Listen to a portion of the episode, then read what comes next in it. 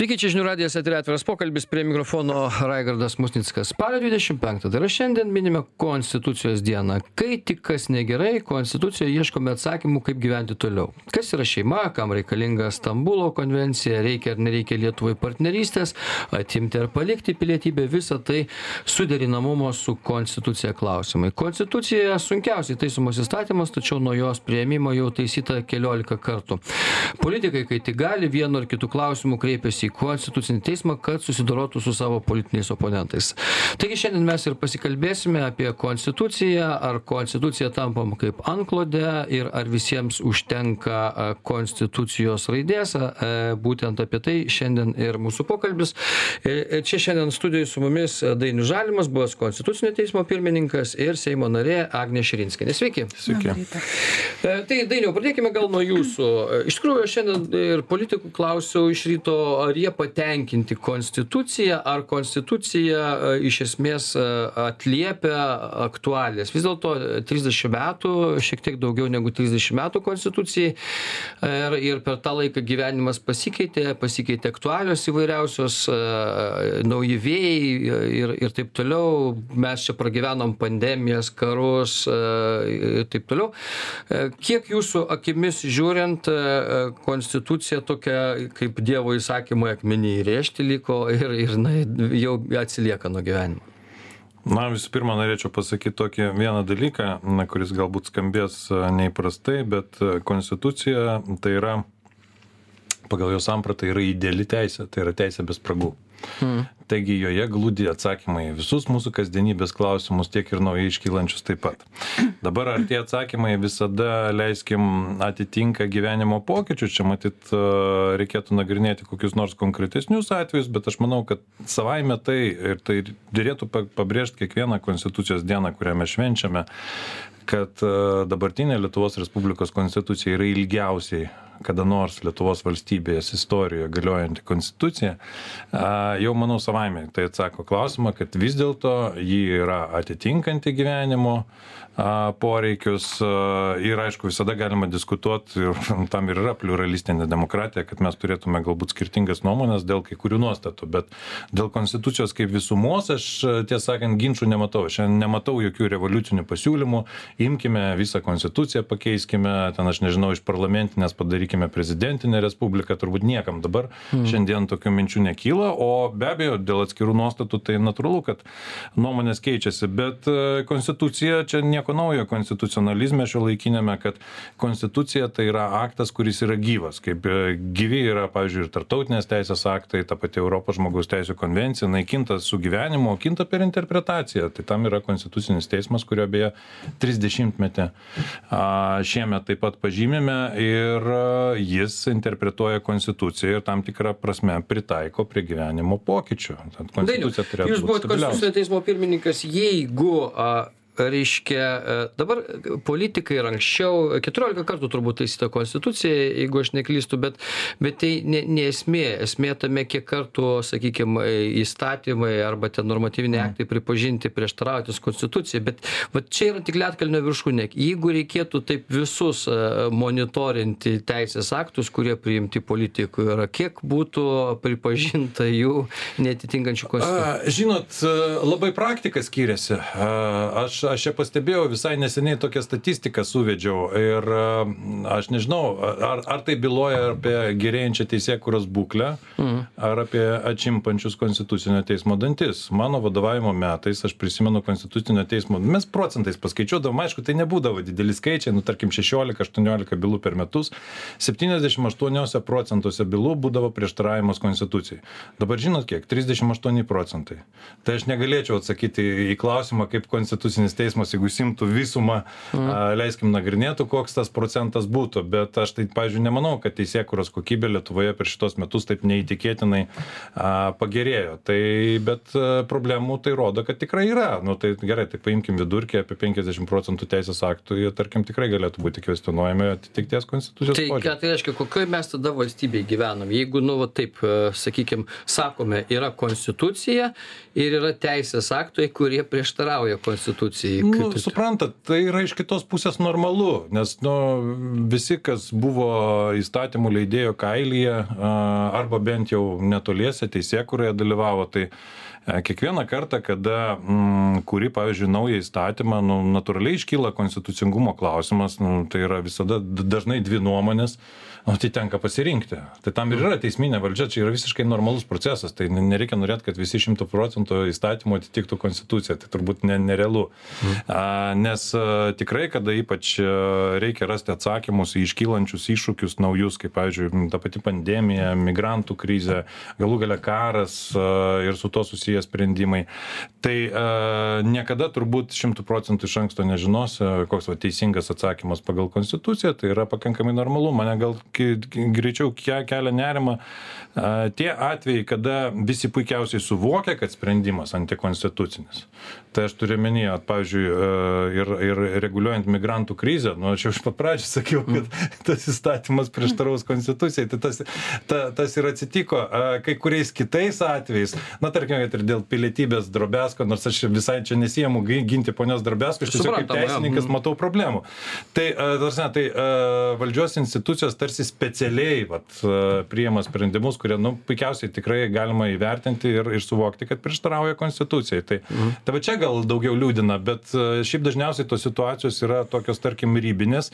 A, Na ir priimant sprendimus vis tiek reikia kažkokį sprendimą priimti. Tai yra natūralu. Tai po to teismas tiesiog a, patikrina. Tai čia yra visiškai normalus civilizuotas valstybės procesas. Vat labai įdomu, Agne, ribinės situacijas mes su jom susidūrėm per pastarosius metus, va tą patį, ką Dainius sakė, ir migracijos klausimai, čia dabar va Drobesko kreipėsi į teismą dėl to, kad jai buvo panaikinta Lietuvos pilietybė atimta. Ir visa kita, ir, ir kaip pat politikai jie konstitucijos kontekste masto. Jūs esate teisės teisėtvarkos komiteto narė ilgametė ir, ir, ir, turbūt nu, jums kaip teisininkai nebūna keista, kai iš tikrųjų e, vat reikia priimti sprendimą, kad ir migrantų, kuris nu, gintų tarsi Lietuvos interesą, bet iš kitos pusės tai prieštarauja konstitucijai. Ir, ir kaip tada masto politikai? Ką daryti?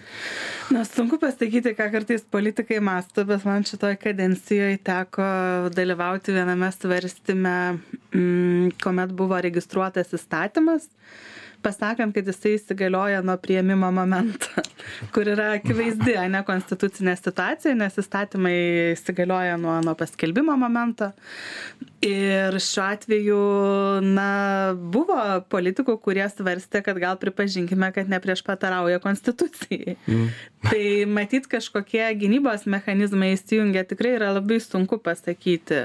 Drobesko atvejis, aš manyčiau, buvo išskirtinis tuo, kad buvo norėta bent jau valdančiųjų politikų, aš kiek supratau, na, parodyti savo lojalumą valstybei, kokie jie yra pilietiški ir tuomet tiesiog nebuvo įvertintos tos aplinkybės, kad na vis dėlto mes savo lojalumą valstybėje ir pilietiškumą negalim rodyti pamindami kitų žmonių iš esmės konstitucinės teisės ar tarptautinius įsipareigojimus. Tai šiuo atveju, na taip, tokių situacijų būna, lygiai taip pat būna situacijų, kuomet yra reguliuojamos absoliučiai naujas visuomeninis santykis arba atsiranda naujas institutas, tarkime, praėjusioje kadencijoje atsirado civilinio turto konfiskavimo įstatymas, mm.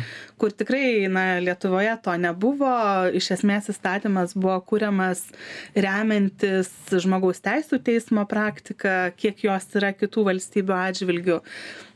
Jisai nekarto nebuvo patvirtintas kol kas konstituciniam teisme ir tikrai, na, man bus įdomu pasižiūrėti jau kaip teisininkui, jeigu jisai būtų tikrinamas, kaip atrodytų ne ta baigtis. Aš mačiau, kaip vyko diskusijos net šitoj studijoje dėl civilinio turto konfiskavimo įstatymų instituto ir labai jokinga buvo, kai advokatai atėjo ir teisėjai, kurie sakė, nu jis neveiks, jisai nesuharmoni, ne, neharmonizuotas su nacionalinė teisė, ten pateikinėjimo buvo. Ir, ir sakyti, bet, bet, bet ten sakė, advokatai aiškino, kad ten bus problemų su tai ir politikai sakė, nesvarbu padarysim, kad veiktų. Vienintelis argumentas, tarsi teisininkų argumentai kažkaip netrodė svarbus. Tai, nu, ta marškinių plėšimas jam krūtinės vis tiek veiks, vis tiek tą padarysim kartais. Ne, tai jis tai veikia, turto vertinimai yra atlikti, jau bylos yra teismus pasiekę, tai tas veikimas, na, yra akivaizdus, tik tai aišku, paties mechanizmo patikrinimas, jisai matyti, aš įsivaizduoju, neišvengiamai anksčiau ar vėliau ateis, kaip ir, ir baudžiamojo kodekso atitinkamų normų įvyko tas patikrinimas ir matysim, bet, na, vėl įstatymo leidėjas, kad ir kokių gerų ketinimų vedamas, jisai gali padaryti ir klaidų, gali kažko neįvertinti, kartais kaip drobesko atveju, na, yra grinai politiniai motyvai, kada yra užsimerkiama tiesiog. Ir visais ir, lygmenimis, kas įdomiausia. Ir, ir visais lygmenimis dėja, bet taip, nes paprastai komitetas, kiek, kiek jisai būna, kiek teko dirbti jame jau aštuntus iš esmės metus, tai na labai retai kada yra priimami tokie sprendimai kuomet yra akivaizdu kad ir yra visi signalai jog yra konstitucijos pažeidimas bet iš esmės tas sprendimas buvo priimtas. Gerai trumpą pertrauką padarom po pertraukos pratęsim tęsiame atvirą pokalbį ar konstitucija tampam kaip antklodė. Apie tai šiandien šnekam. Konstitucijos diena ir apie e, problematiką susiję su pagrindinio įstatymo veikimu mūsų šalyje. E, mes bandome aiškintis kaip atrodo ar mes visą laiką suprantame kas yra parašyta konstitucijoje ir kaip supranta tą žmonės kurie gali turi e, įgaliojimus keisti konstituciją politikai ir ir kurie turi galią priiminėti įstatymus ir kaip jie dera su su pagrindiniu įstatymu. Apie tai šiandien šnekamės dainius žalimas buvęs konstitucinio teismo pirmininkas ir agnė širinskienė seimo teisės teisėtvarkos komiteto narė mūsų laidoje. Tai tęsiant dainiau toliau mūsų tyrinėjimus aišku politikai dar ką daro tai nuolat kreipiasi į konstitucinį teismą kitaip sakant ieško būdų kaip vieną ar kitą sprendimą vis dėlto pasitikrinti mm, ar, ar, sąsajos su konstitucija tvarkoja ar ne. Ir ir pats kreipimasis ir galimybė kreiptis turbūt yra labai puiku dabar ir jau žmonės e, fiziniai asmenys gali tą daryti bet bet ar tai nėra tam tikra prasme raganų medžioklė? Mm, žinot kas mane labiausiai neramina mano požiūriu jie per retai kreipiasi per tai politikai taip. Mm. na nes nu pasižiūrėjus kiek dabar pavyzdžiui prašymų yra konstituciniam teisme neišnagrinėtų tai berods kokie tiktai viso labo dvidešim. Aš atsimenu kada aš atėjau į konstitucinį teismą tai ten bylos buvo trim keturiem metam į priekį dabar viso labo metų tre darbotvarkė. Tai mano požiūriu kažkas yra negerai nes tikrai per retai. O šiaip tai aš galvoju kad tai yra labai gerai tai yra tokia savotiška teisė aišku neparašyta kad opozicijai bet a viena penktoji seimo narių nu tai dažniausiai tai yra opozicijai priklauso priklausantys politikai. Tai yra labai gerai, kad jie turi galimybę nuginčyti daugumos priimamus sprendimus. Tai yra vienas iš demokratijos mechanizmų. Aš tiesiog manau, kad realiai turbūt per retai jo naudojamasi. Aišku, kitas yra klausimas, man irgi teko pastebėti iš pastarųjų metų tendencijos. Man toks įspūdis, kad Konstitucinis teismas dabar žymiai rečiau priima na politikų skundus ne vien tiktai politikų ir individualius skundus taip pat aš aš matau kad individualių skundų yra taip sumažėję ko gero perpus lyginant su pirmais metais. Buvo ten beveik trys šimtai dabar apie šimtas penkiasdešim per metus. Tai na ta prasme tai vat man kelia daugiau galbūt tai nerimo o šiaip tai yra normali demokratijai būdinga teisė. Vat pavyzdžiui galima būtų priekaištų išsakyt prezidentui na nes jeigu taip pasižiūrėjus per visus trisdešim metų čia nepriklauso kas prezidentu buvo tai prezidentas dėl vyriausybės aktų jisai turi tokią teisę kreiptis į konstitucinį teismą yra kreipęsis gal kokius keturis ar penkis kartus. Nu tikrai galima suskaičiuot jeigu ne ant vienos tai ant dviejų rankų pirštų. Tai kodėl tai vietoj to kad na tiesiog vyriausybę spaust galbūt politiškai ir autoritetu kartais yra ir teisinių instrumentų tai jais taip pat nesinaudojama. Taip kad yra čia dar daug rezervų mano požiūriu.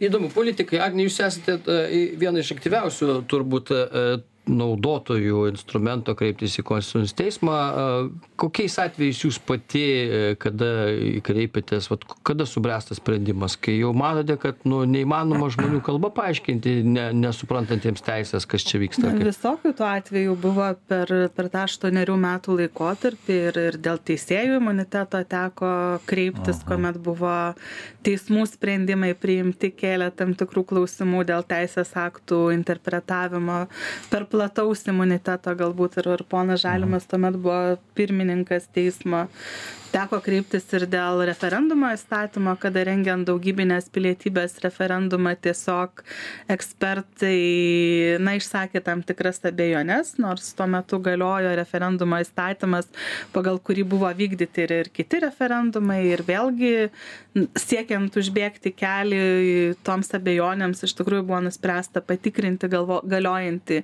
įstatymą. Tai tų kreipimųsi buvo įvairių ir iš tikrųjų aš manau kad tai kartais ir valdantiesiems yra geras instrumentas jeigu kyla abejonių dėl teisės aktų teisėtumo iš tikrųjų pasitikrinti. Aš jau nekalbu apie tą papildomą instrumentą kuris atsirado ir ir visiems žmonėms ko lietuva labai ilgai europos sąjungos valstybių tarpe neturėjo tai yra individualus skundas.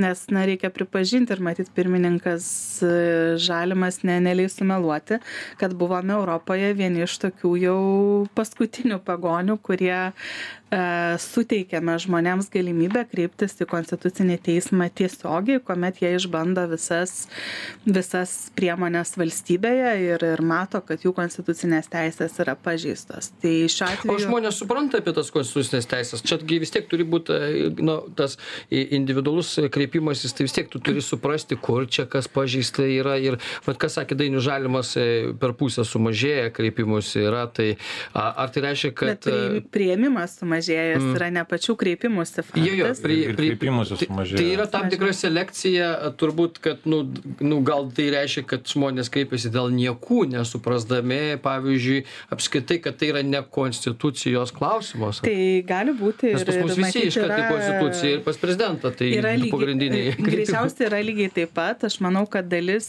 vėlgi gali būti ir, ir paties kreipimosi suformulavimo klausimas, nes tam, kad žmonės galėtų na visapusiškai tas savo teises ginti yra įstatyme leidžiama kreiptis ne per profesionalų advokatą bet žmogus gali ir pats skundą surašyti tai be abejo kad tas prog programuoja tam tikrą na kiekį matyt ir ne visai kokybiškų skundų bet aš manyčiau pati pats instrumento turėjimas jisai iš tiesų yra labai svarbus ir kaip rodo praktika tai taip yra atvejų kuomet teisės akto antikonstitucingumas yra pripažįstamas ne dėl to, kad kreipiasi politikai ar, ar kiti teismai, bet dėl to, kad kreipiasi žmogus. Ir, ir kas daryti su tokiu atveju, jeigu pripažįsta, kad... ginantis savo teisės. Tai šiuo atveju jisai vėlgi turėdamas pažeidimą gali tą teisų gyn konstatuotą pažeidimą, savo teisų gynimą gali konstruoti toliau. Tai manau, kad Gerai, o tai, tai pripažįstam, pavyzdžiui, sakykime, saliginai koks nors, nežinau, atvejis, ten žmogus atleistas iš darbo, remiantis kokiu nors straipsniu, kur jisai pripažintas e, prieštraujantis konstitucijai. Nu, kaip pavyzdys, aš nežinau, gal neteisininkas esu, gal čia nelabai korektiškai, bet, bet iš principo, o kas toliau? Tai yra buvę kokie keturi ar penki atvejai, kada teismai privalo atnaujinti bylą tai ir iš naujo išnagrinėt tai jeigu įstatymas kuriuo remiantis jūs atleistas iš darbo yra prieštaraujantis konstitucijai tai vadinasi po tokio sprendimo konstitucinio nu nutarimo konstitucinio teismo nutarimo tada kreipiatės vėl į teismą ir teismas turėtų atnaujinti tuo pagrindu jis ne nebetaikyti antikonstitucinio įstatymo ir praktiškai grąžinti jus į darbą bet žinot čia yra vienas toks atvejis bet jis gerai vien vienetinis bet kada teismai atsisakė atnaujint procesą ir dabar ta byla yra strasbūre jau mm. galbūt antrą kartą ko gero nes nes konstitucinis teismas kai sprendė na bylą dėl atlyginimo išlaidų advokatui, kada yra byla nutraukiama, ten administracinė arba būdžiamoji, nesant nusikaltimo sudėties arba administracinio nusižengimo ir asmo kreipėsi prašydamas priteisti, teismas atsisakė, nepaisant konstitucinio teismo nutarimo, tai mes dabar turėsim Strasbūro sprendimą kuris labai. Vadinasi, tai nėra imperatyvus automatinis tai nurodymas. Yra, kaž... yra, bet, na, žinot, būna pavienių atvejų, kada teismai, nu, mano požiūrį, mm. taip pat nepaiso konstitucijos. Tai va, čia vienas iš tų pavyzdžių, nes a, beveik, nu, beveik nebejoju, kad Strasbūrė tas asmo laimės. O kaip masto teisėjai, nepaisydami, nu, va čia tai jau iš tikrųjų pats, pats, pats nuomas teisininkų, kaip jisai gali mąstyti, jeigu yra... Matot, yra du teisininkai ir penkios nuomonės, yra tokia patarlė. Nu, nuomonės nuomonėmis, bet... Taip, taip, taip, bet, bet kartais yra tikrai sunku paaiškinti, kodėl teisėjas taip elgesi. Nes, nu, pavyzdžiui, šituo atveju tai, nu, tai akivaizdus yra konstitucinio teismo nutarimas. Akivaizdžiai jisai remiasi to paties Strasbūro praktika, mm. nes ten konstitucinis teismas neišrado nieko naujo. Strasbūrė buvo beje lietuviška byla jau dėl išlaidų atlyginimo ir vis tiek neatnaujinti bylos ir nepriteisti tą, na, aš nežinau, protingų išlaidų, niekas nesako, kad visų. Tai aš, aš to tikrai tiesiog nesuprantu. Niekas čia turbūt nesupranta. Gerai, padarom trumpą pertrauką. Naujausios žinios po pertraukos pratesim tęsiame atvirą pokalbį ir konstitucija tampam e, kaip antklodė e, tokia šiandien tema mūsų nes konstitucijos diena šiandien ir tai svarbu turbūt kiekvienais metais prisiminti bent jau per šią dieną e, konstitucijos gimimo dieną prisiminti svarbiausią pagrindinį šalies įstatymą nes gi su juo susijęs mūsų gyvenimas ir kitų teisės aktų harmonizavimas vienaip ar kitaip nors panašu kad dar nemažai jų prieštarauja konstitucijai jeigu ištirtume visus kiek priimta o priimta jau tūkstančių tūkstančiai dar neaišku, ar mes pagal konstituciją gyvenam šalyje ar kaip. E, Dainius Žalimas, e, buvęs konstitucinio teismo pirmininkas ir Agnė Širinskė, Seimo narė, e, šiandien mūsų laidoje. Dainiau, tai vis tiek tęsiant tada tuos mūsų tyrinėjimus.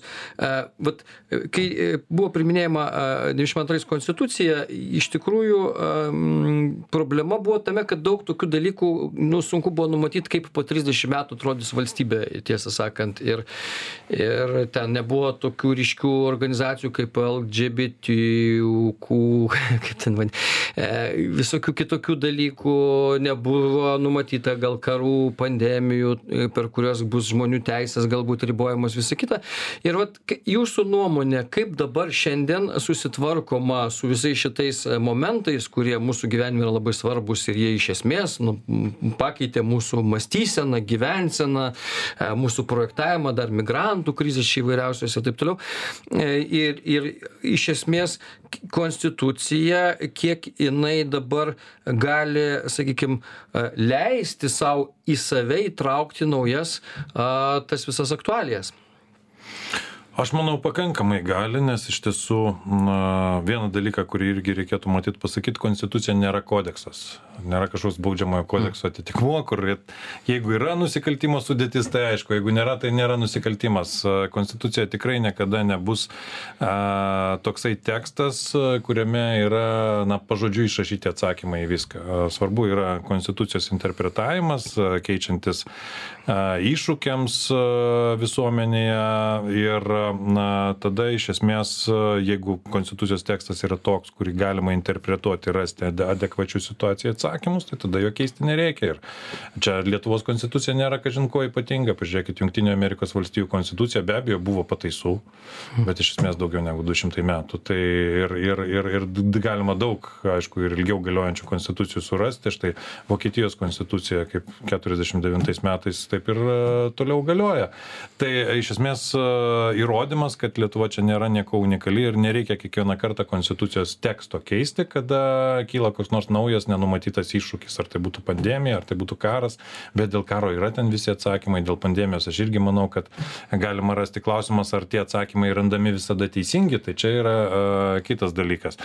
Tai uh, aš manau, kad uh, tiesiog konstitucijoje tikrai galima rasti atsakymus. O konstitucinis teismas čia yra vienas iš tų instrumentų, kuris padeda e, ten Taip, ieškoti tų atsakymų ir kartais ten ir, ir gal to, ko neparašyta konstitucijai, išaiškinti tuos dalykus. Jums, e, vat, prisimenant paties e, buvimą konstitucinėme teisme, su kolegomis ginčius, vat, rastumėt vietų, kur abejojate net ir savo sprendimais, kur, nu, vat, neaišku vietų kuriose aš netgi žinot kartais galvoju buvo dar per mažai pasakyta aš turbūt rasčiau.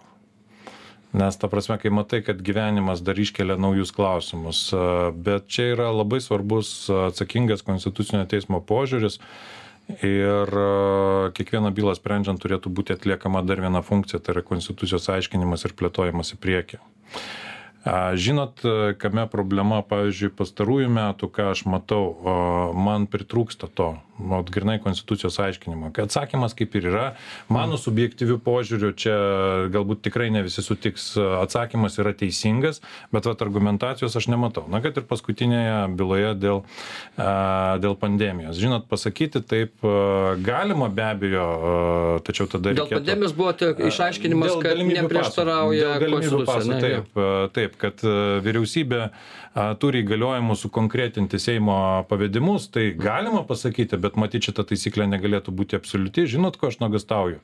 Čia a, valdžios gali keistis beje, tai a, ir a, kita dauguma gali šitą sprendimą labai sėkmingai savo išnaudoti. Paveskime viską daryti vyriausybei, nes konstitucinis teismas leido. Nes e, nėra ten beveik praktiškai jokių išlygų, na, gali surasti visada ekstremalią situaciją. Man apskritai, vat, e, ko trūksta, kad Konstitucinis teismas tikrai neatskleidė ribos, kur yra ekstremali situacija, kur jinai baigėsi, kur prasideda nepaprastoji ir karo padėtis. Čia jau, čia, čia jau gerokai rimčiau. Kitaip sakant, šitas jisai ypatingas tuo išaiškinimas yra, kad, kad jisai su, suponuoja tokią e, situaciją, kai jeigu, reiškia, e, kaip sakoma, situacija sunki, tai viską gali išspręsti pati vyriausybė. ar ne? Taip, nesvarbu visiškai apeinant Seimą ir aš tikrai tokį pavojų tikrai matau. A, nes a, iš tiesų Seimas tiesiog bendrai išleidžia įstatymą, vienu sakiniu parašo, reiškia, kilus ekstremaliai situacijai, apribojimus nustato vyriausybė. O vyriausybė O- toliau daro, ką nori. O paskelbti ekstremalią a, situaciją galima- Ir, ir taip galima apeiti ir nepaprastąją padėtį netgi, nes dažnai apribojimai ekstremalios situacijos metu yra kartais net drastiškesni negu paprastos, nepaprastosios padėties metu. Arba kitas sprendimas dėl migrantų. Savo esmės yra visiškai teisingas. Tačiau Jeigu jį tai pradedi įdėmiai skaityti, tai žinot, nu, aš esu daugiau negu suglumęs. Karo arba nepaprastosios padėties atveju taip pat kiekvieną mes gabensime į, pas teisėją per 48 valandas. Taip beje galima suprasti tą, tą sprendimą, nu, vos ne pažodžiui. Tai mano požiūrį, va čia va vėlgi netliktas atribojimas, kur yra ten migrantų krizė nepaskelbus nepaprastosios padėties, o kur yra nepaprastoji arba karo padėtis. Ir įsivaizduokit, nu toks reikalavimas, ypač Lietuvoje, jis tai praktiškai neįvykdomas karos. Mes neturim tokio, kaip čia pasakius, užnugario, kaip pavyzdžiui Ukrainoje, kur ten gali tūkstančius kilometrų gal ir nugabensi pas teisėją. Tai, e, žinot, man pritrūksta kartais tokio na, atsakingo konstitucinės doktrinos formavimo, nes e, visada, kada priemi net ir teisingą sprendimą, reikia matyti priekį. Teisėjas gi irgi turi širdį, ar ne? Ir ten Tai jau jausmus, tai jisai kartais žmogus. politikuoja, ar ne? Nu, ta prasme, aš turiu omeny ne tą politikavimo tokį primityvų, kur ten e, gali, reiškia, dėl to, kad ten myli arba nemyli vieną partijos e, arba e, pavadinimą ar kitą, bet iš esmės tai, kad tu, nu vis tiek esi su tam susijęs su savo bendruomenė, su visuomenė. Tu jau tiek aktualių, tu nesi pakeltas, tau įgyja irgi konstitucinio teismo teisėjų irgi aktualu, ar bus čia daug Lietuvoje migrantų, pavyzdžiui, ar, ar, ar mažiau, ar, ar sakykime, ten reikia, rib- ar jis galės nueiti į parduotuvę be paso, ar ten dar kur nors, ar ne. Jįgi tai irgi liečia jo paties išaiškinimai. Ar šitoje Tai vietoje jisai gali būti toks atsisėjęs nuo visuomenės? Ne, tai kiekviena šalis turi savo vis dėlto individualų istorinį kontekstą, net ir politinį kontekstą ir, ir tai paaiškina kartais kai kurios konstitucinio teismo nutarimus, tai yra normalu, teisėjas tiesiog, tiesiog net- neturi nukrypti į politinius klausimus, bet kartais kai kurie specifiniai atsakymai konstitucinio teismo jurisprudencijoje yra paaiškinami specifiniu Lietuvos kontekstu. Pavyzdžiui, aš jums galiu pasakyti, praktiškai labai sunkiai surasite kitą šalį, kur konstitucinis teismas taip plačiai yra išaiškinęs sąžiningų rinkimų arba sąžiningų referendumų savoką, nes ta, ta savoka sąžiningai dažniausiai kitose šalyse net, net nesuprastų, apie ką mes čia kalbam, bet turiuomenį rinkėjų papirkinėjimą, kitų, kitų, kiti, kiti panašus manipuliavimai. Tai yra toks specifinis postsovietinio, jeigu norit, bet ir Lietuvos reiškinys, kuris nu, praktiškai dabar galbūt pasitraukęs į šešėlį, bet konstitucinio teismo jurisprudencija paaiškinama tuo, kad tikrai nu, nereikia sudaryti prielaidų nebaudžiamam, pavyzdžiui, negarbingai elgtis rinkimų proceso metu.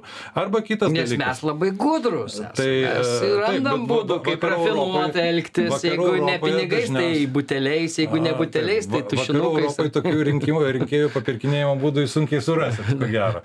Arba kitas dalykas, jurisprudencija dėl referendumo nu tikrai reikia matyti specifinę šalies geopolitinę padėtį ir suvokti kartais kam tie referendumai gali būti panaudoti kieno jie gali būti manipuliuojami štai galbūt tai iš dalies gali paaiškinti kodėl pas mus lietuvoj iš tiesų yra viena išsamiausių referendumų ir konstitucijos pataisų doktrina tai ta prasme kuri pakankamai riboja kad negali šiaip neturėtų būt iliuzija kad aš kokį noriu tokį klausimą referendumui ir pateiksiu Tai vat, tai irgi paaiškina, kodėl jinai tokia atsiranda, bet čia nieko labai naujo, Vokietijoje panašiai yra. Pavyzdžiui. Mm. Agne, tai tęsiant irgi apie, apie politikų konstitucinio teismo santykį, jums kartais čia irgi buvo keliama klausimų, ar, ar, ar sakykime, ten e, konstitucinio teismo teisėjai nepolitikuoja, kartais aš tą girdžiu ir politikai čia tą kelia klausimą, kažkodėl jiems atrodo, kad jeigu jau, jau neteisingai priimtas jų nuomonė kažkoks e, sprendimas konstitucijos, tai tada jie jau kažkam dirba. Na, matot, kada jau Europos komisija rašydama išvadas Lietuvai sako, jog kyla grėsmė supolitizuoti konstitucinį teismą.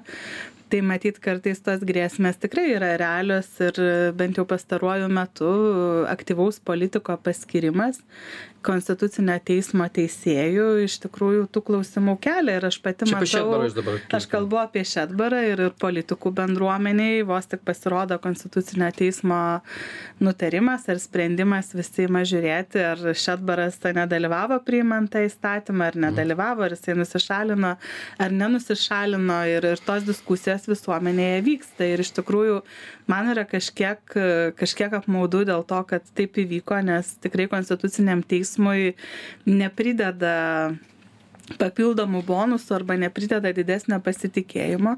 Bet antra vertus ko aš pasigendu tai ne tik kaip kolega žalimas minėjo kad na kai kurie sprendimai ar ar nutarimai būna ne nepakankamai motyvuoti bet pasigendu kartais ir tų nutarimų ypač pristatymo visuomenei suprantama kalba ir matyt tai yra jau bendresnė visų teismų problema kada mes žiūrime kaip teismai sugeba paaiškinti ane savo sprendimus ir ir ir koks paskui atgarsis visuomenėje susidaro. Tai aš tik palinkėčiau to gebėjimo pristatyti visuomenei tikrai didesnio nes jo kartais ir trūksta nes tai kas suprantama galbūt ribotai teisininkų bendruomenei ne visuomet yra suprantama žmonėms ir tada vėlgi gimdo tas nesupratimas įvairius metus legendas ir ir mažina pasitikėjimą Buvo net savo laiku, aš atsimenu, turbūt Bradauskas yra siūlęs e, į konstituciniam teismui kažkaip uždrausti, nagrinėti ekonominės bylas, buvo ir toks momentas, ar ne? E, a čia yra toks kažkoks noras apriboti galimybes Na, konstitucijos? žinot, tų pavyzdžių gali toli nereikia ieškoti.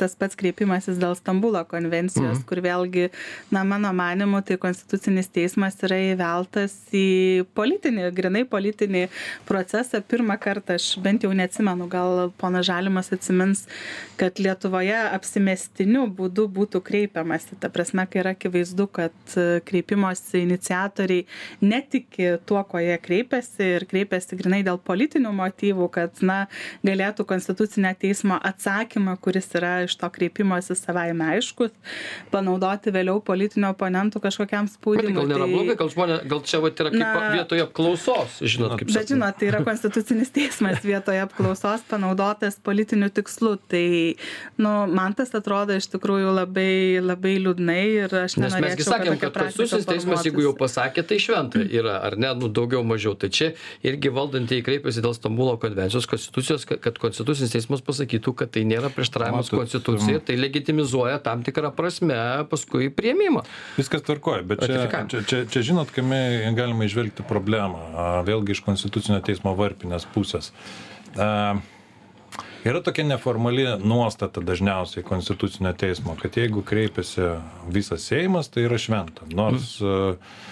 Aš prisimenu, mes mėgindavom šitą pažeisti. Nu, jeigu kreipimasis stokoja teisinių argumentų, čia aišku lab, labai slidu, ką reiškia stoko teisinių argumentų. Čia visada gali ir į vieną pusę pakreipti, kad nepakanka tų argumentų, į kitą pusę pakreipti, kad pakanka, bet vat, šitas kreipimasis jis dėl Stambulo konvencijos iš tiesų bent jau didžia dalimi kelia rimto bejonių. Nu, pavyzdžiui, nu, kas ten galėjo įskaityti ka- grėsmę lietuvių kalbai?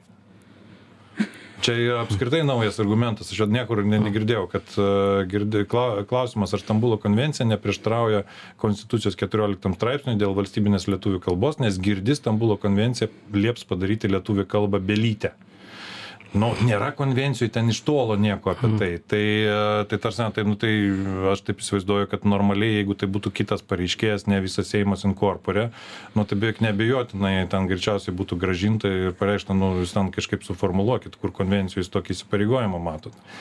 Tai e, čia yra daug tokių dalykų kurie iš tiesų kartais e, kelia klausimų. Ar e, visada o vienodai yra taikomi pavyzdžiui tie patys priimtinumo kriterijai tada kyla klausimas dėl konstitucinio teismo galbūt tam tikros ne tai kad politinės pakraipos bet tarkim čia ne net neturi svar reikšmės kuri partija yra valdžioje tiesiog dėl a didesnio palankesnio požiūrio į visą seimą negu pavyzdžiui seimo narių grupes arba negu pavyzdžiui į teismus tai tai vat čia yra tur tam tikrų problemų galbūt kartais galima įžvelgt tai bet vis tiek agne e, nepaisant to kad e, politikai kartais išnaudoja tą konstitucinio teismo politikavimui galbūt čia neuždrausi politikams naudoti visų instrumentų svarbu kad pats konstitucinis teismas jis nepolitikuotų šitoj vietoj. Tai vat ar čia e, tie momentai kaip nors jie yra galima apsidrausti nuo to arba kažkaip nežinau ar jūs matote tokių dalykų kur dėl yra kad konstitucinis teismas galbūt ten kažkaip tą dvasią ne ten randa kur reikia bet tas pavyzdys aš labai džiaugiuosi kad ponas žalimas tą iškėlė klausimą dėl priimtinumo kriterijų tai netgi kai kurių teismų kreipimaisi būna atmetami tuo pagrindu kad jie nepakankamai motyvuoti ir teismai tikrai nesurašo tokių argumentų kad stambulo konvencija ten kelia grėsmę lietuvių kalbai. Tai natūralu kad kyla klausimas kodėl taip įvyko kada matai visą eilę tarkime atmestų kreipimųsi kur yra nu čia kaip pasakoma interpeliacija. Ministrui visus klausimus surašysim kokius nors reiškia Nu, kiek yra ir kreipsimės tada. Nu ir tada jeigu kas nors tada netyčia išlįs klausimus sakys konstitucinis teismas iš to klausimo tada dalis yra priimama kreipimosi dalis yra atmetama. Šiuo atveju jisai buvo priimtas visas toks koks jisai yra pateiktas ir viskas bus nagrinėjama. Tai na man tekę yra matyti tikrai ne ką geriau ar ne ką blogiau parašytų kreipimųsi kurie buvo atmesti. Tai tarkime vytauto landsbergio ane vadovo statuso suteikimas. Tikrai ten valstiečių buvo rašytas kreipimasis jisai buvo parašytas kokybiškiau negu mes turime dabar viso seimo parašytą kreipimąsi. Tai aš manau kad na vėlgi tos sei e, tai yra ne seimo konstitucinio teismo motyvacijos bent jau šiuo atveju man iš tikrųjų na nepakako kad mane įtikintų. Bet aš gal kaip politikas susilaikysiu nuo to. Ir žinoma mes į kiekvieno teisėjo širdį ar vidų na iš tikrųjų nebeįlįsime ką jisai mano priimdamas vieną ar kitą sprendimą. Tai matyt tą reikėtų ats atsiminti. Gerai liko daug nedaug laiko pora minučių tai e, dainiau tada vis tiek e, šiandien tokia diena jums čia ypatingai turėtų būti reiškia artima nes visur kur tik jūs pristatot tai yra žodis konstitucija vienaip ar kitaip. E, ką jūs norėtumėt pa palinkėt nežinau lietuvos visuomenei turbūt teisėjams ar ar pačiai visuomenei kaip ta kad ką labiau žmonės įsisavintų Aš manau, tas palinkėjimas galėtų skambėti labai paprastai. Būkite pilietiški. O būkite pilietiški tai reiškia išmanykite konstituciją ir aktyviau ginkite savo konstitucinės teises. Nes man kartais ko e, ypač pastaraisiais metais pritrūksta, tai yra tiesiog aktyvumo, pilietinio aktyvumo, ginant savo teises ir ne tik, ir uh, tarkim, na, didesnio galbūt e, žmonių dalyvavimo diskusijose, nes e, man kartais toks paradoksas, aš e, matau, ko pas mus daugiau demokratijos, tu daugiau tylos. Tai va šito tikrai nesinorėtų, nes konstitucija yra gyva tiek, kiek pati tauta ją suvokia kaip savo netimamą dalį. Tai gali parašyti puikiausių tekstų, bet jie neveiks, jeigu tauta jo nepriims. agne jūs Aš tikrųjų linkėčiau naudotis visiems tomis konstitucinėmis teisėmis ir laisvėmis, o matyti tiems, kurie aiškina konstituciją, tai didesnio atvirumo ir, ir noro viską savo sprendimus paaiškinti žmonėms. Dėkui tai vat tais palinkėjimais mes ir baigsim šiandien laidą. Iš tikrųjų matyt kiekvienas kalbėjimas apie konstituciją ir apie tai kad jinai prieinama kiekvienam mūsų šalies piliečiui reikia tiktai pasistengti paskaityti pačią konstituciją ir kiek įmanoma na raštingiau galbūt sudėlioti kreipimąsi į konstitucinį teismą jeigu jums atrodo kad na kad čia kažkas blogai taigi bet kokiu atveju ir jūs ir visi jausis tik geriau gavę atsakymus. Mes gi mes dar mėgstam į teismus kreiptis. Ir na gerai aišku nežinau kiek ten apkrauna nežinau kiek ten teisėjai aišku spjaudosi dėl to kad gal užgriūna tų labai daug visokių kreipimųsi bet nu toks jau gyvenimas toks jau darbas yra. Nieko nepadarysi. Tai tiek šiandien laidoje. Ačiū visiems už dėmesį iki kitų kartų